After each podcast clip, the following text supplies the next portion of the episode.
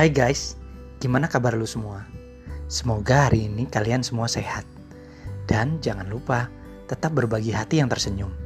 Maklum, senyum sekarang sudah mulai langka, apalagi senyum yang di bibir. Ya, semuanya pada ketutup. Hanya mata dan isyarat tangan yang terlihat gembira. Sesuai janji gue, kali ini gue masih melanjutkan episode pertama terkait dengan in-depth interview atau wawancara mendalam. Gue yakin lo udah pada nunggu. Mungkin ada yang berharap secepatnya gue upload podcast ini. Biasa, kayak lo lagi nunggu ditembak sama pujaan hati. Ya kan? Asik. Oke, kemarin gue sampai bahasan responden yang resisten ya. Nah, ini sebenarnya lumrah dan sangat wajar. Apalagi lo lagi interview sama saksi kunci atau key person. Nah, jenis resisten itu apa aja sih yang biasanya kita temuin? Kalian sebenarnya sudah pernah ngalaminnya, meskipun tanpa sadar bahwa hal itu adalah resistensi interviewee atau responden. Sebelum gue lebih jauh, pasti lu bertanya-tanya nih, apa sih sebenarnya resisten itu? Dan mengapa orang menjadi resisten saat lu tanya-tanya? Nah, ini sekedar lu tahu dulu sebenarnya apa sih resisten.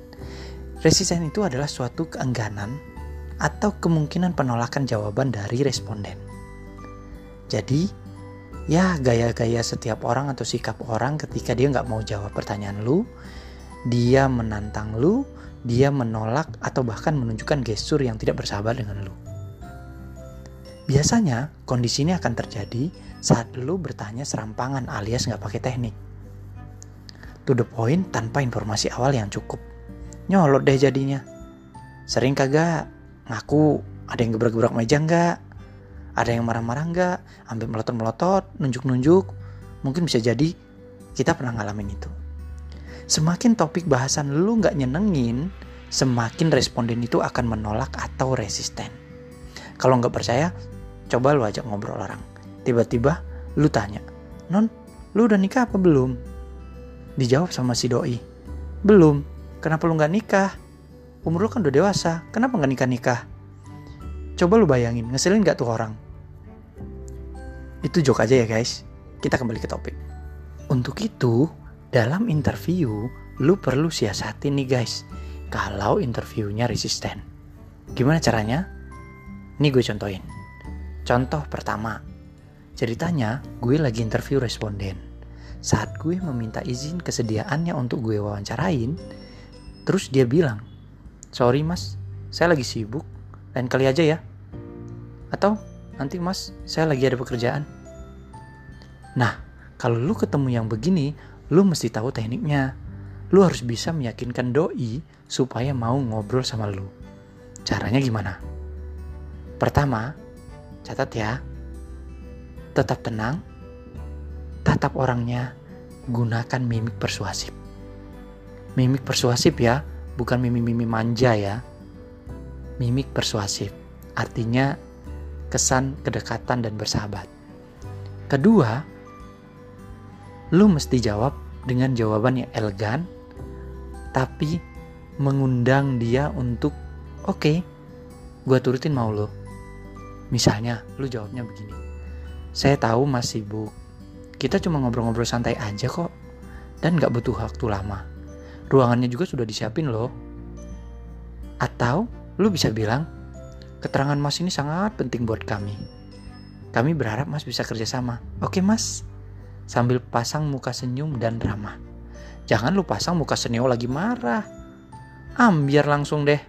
Mana dapat keterangan, yang ada lu dapat musuh. Iya kagak? Contoh kedua, saat lu mulai tanya-tanya, dan jawaban yang lu harapin gak dapet. Misalnya nih, lu bertanya dengan responden atau suspek personnya.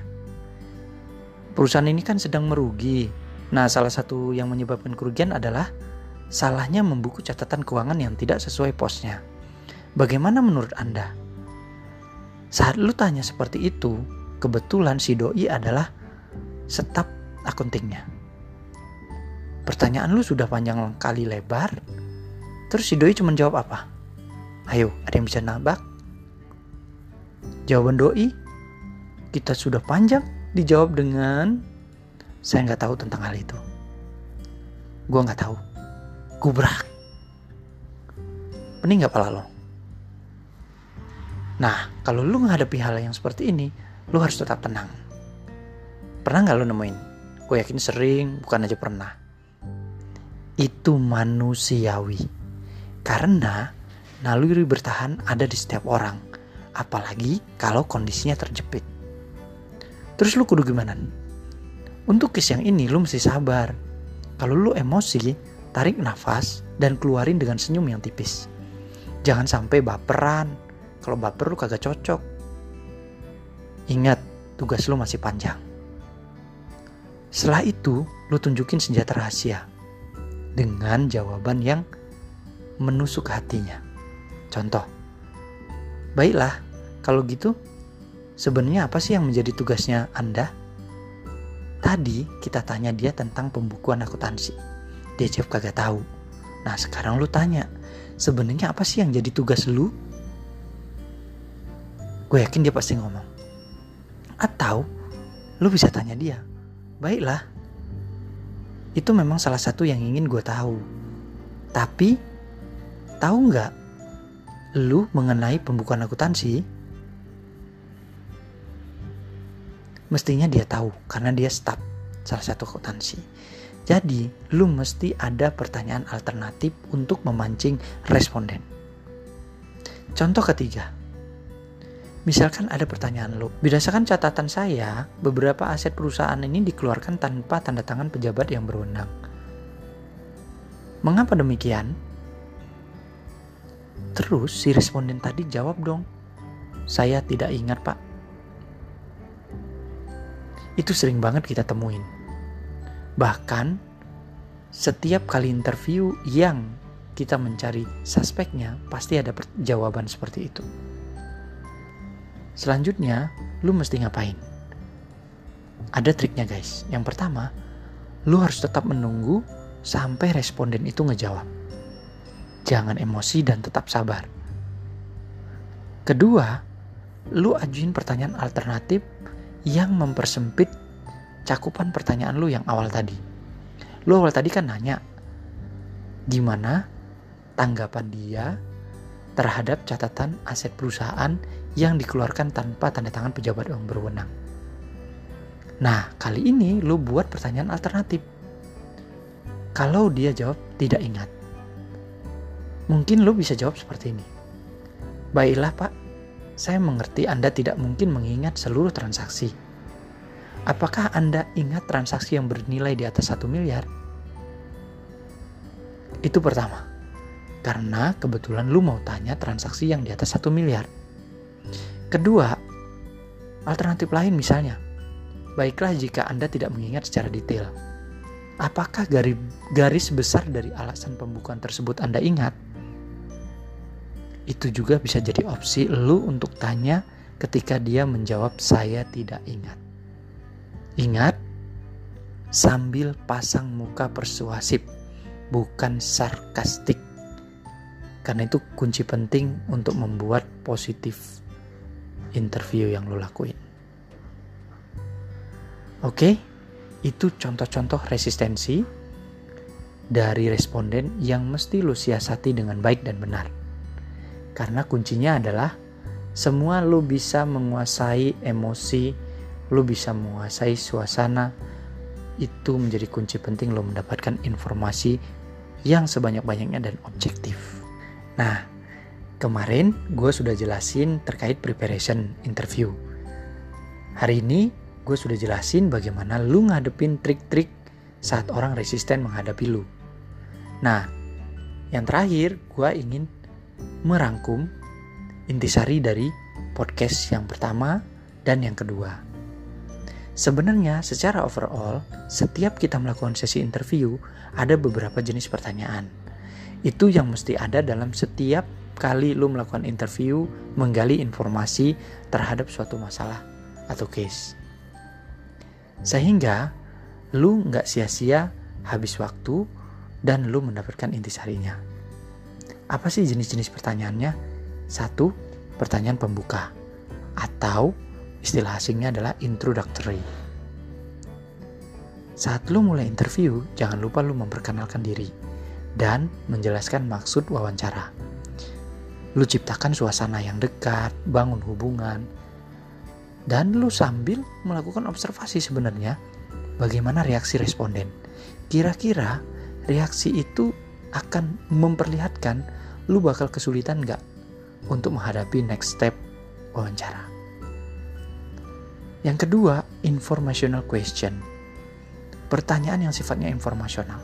Jadi lu bertanya ke responden untuk mendapatkan informasi penting terhadap misalnya lu mau tanya tentang internal control, lu mau tanya tentang prosedur, lu mau tanya tentang nomor-nomor transaksi, lu mau tanya dengan dokumen-dokumen uh, transaksi, dokumen-dokumen uh, berkas, semua lu mesti tanyakan informasi-informasi sebanyak-banyaknya. Ketiga, information assessment. Saat lu tanya-tanya responden dan dia menunjukkan kondisi atau gelagat bohong, nah lu mesti tahu cara bagaimana pertanyaan lu itu menguji jawaban yang responden sampaikan. Contoh ketika dia menyampaikan, "Oh, saya tidak melakukan fungsi itu, Pak." Anda punya diujinya.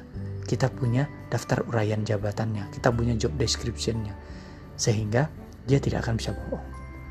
Keempat, pendalaman atau closing. Saat akhir, lu mesti mengkonfirmasi kembali jawaban-jawaban si responden. Siapa tahu ada informasi yang kurang atau ada informasi yang perlu ditambahkan. Dan tetap jaga komunikasi serta emosi agar tetap positif. Nah, yang terakhir, memperoleh pengakuan. Ini khusus ketika lu mewawancarai suspek. Nah, itu dikenal dengan nama admission seeking interview. Lu harus sudah punya bukti awal yang cukup, lu sudah yakin bahwa dia adalah suspeknya dan pelaku utamanya. Lu bisa saja menyampaikan bahwa kami memiliki bukti bahwa Anda adalah yang paling bertanggung jawab terhadap bla bla bla bla bla. Nah, itu lima jenis pertanyaan yang mesti ada dalam setiap kali lu melakukan interview, khususnya ketika lu menghadapi suatu kasus tertentu. Oke guys, itu dulu ya sharing gue hari ini. Semoga saja bermanfaat untuk kalian. Kalau kalian rasa ini ada manfaatnya, jangan lupa share ke teman-teman lo ya. Terus untuk teman-teman gue yang anak kos, mudah-mudahan ini menjadi pelipur lara, apalagi yang lagi jauh dari keluarga dan kebetulan lagi senggang. Untuk teman-teman gue yang lagi di jalan, jangan lupa dengerin ini, tinggal hubungin ke Bluetooth dan nyalain deh. Jangan besar-besar, tetap fokus di jalan sampai tujuan dengan selamat. Tetap jaga kesehatan dan salam telik sandi.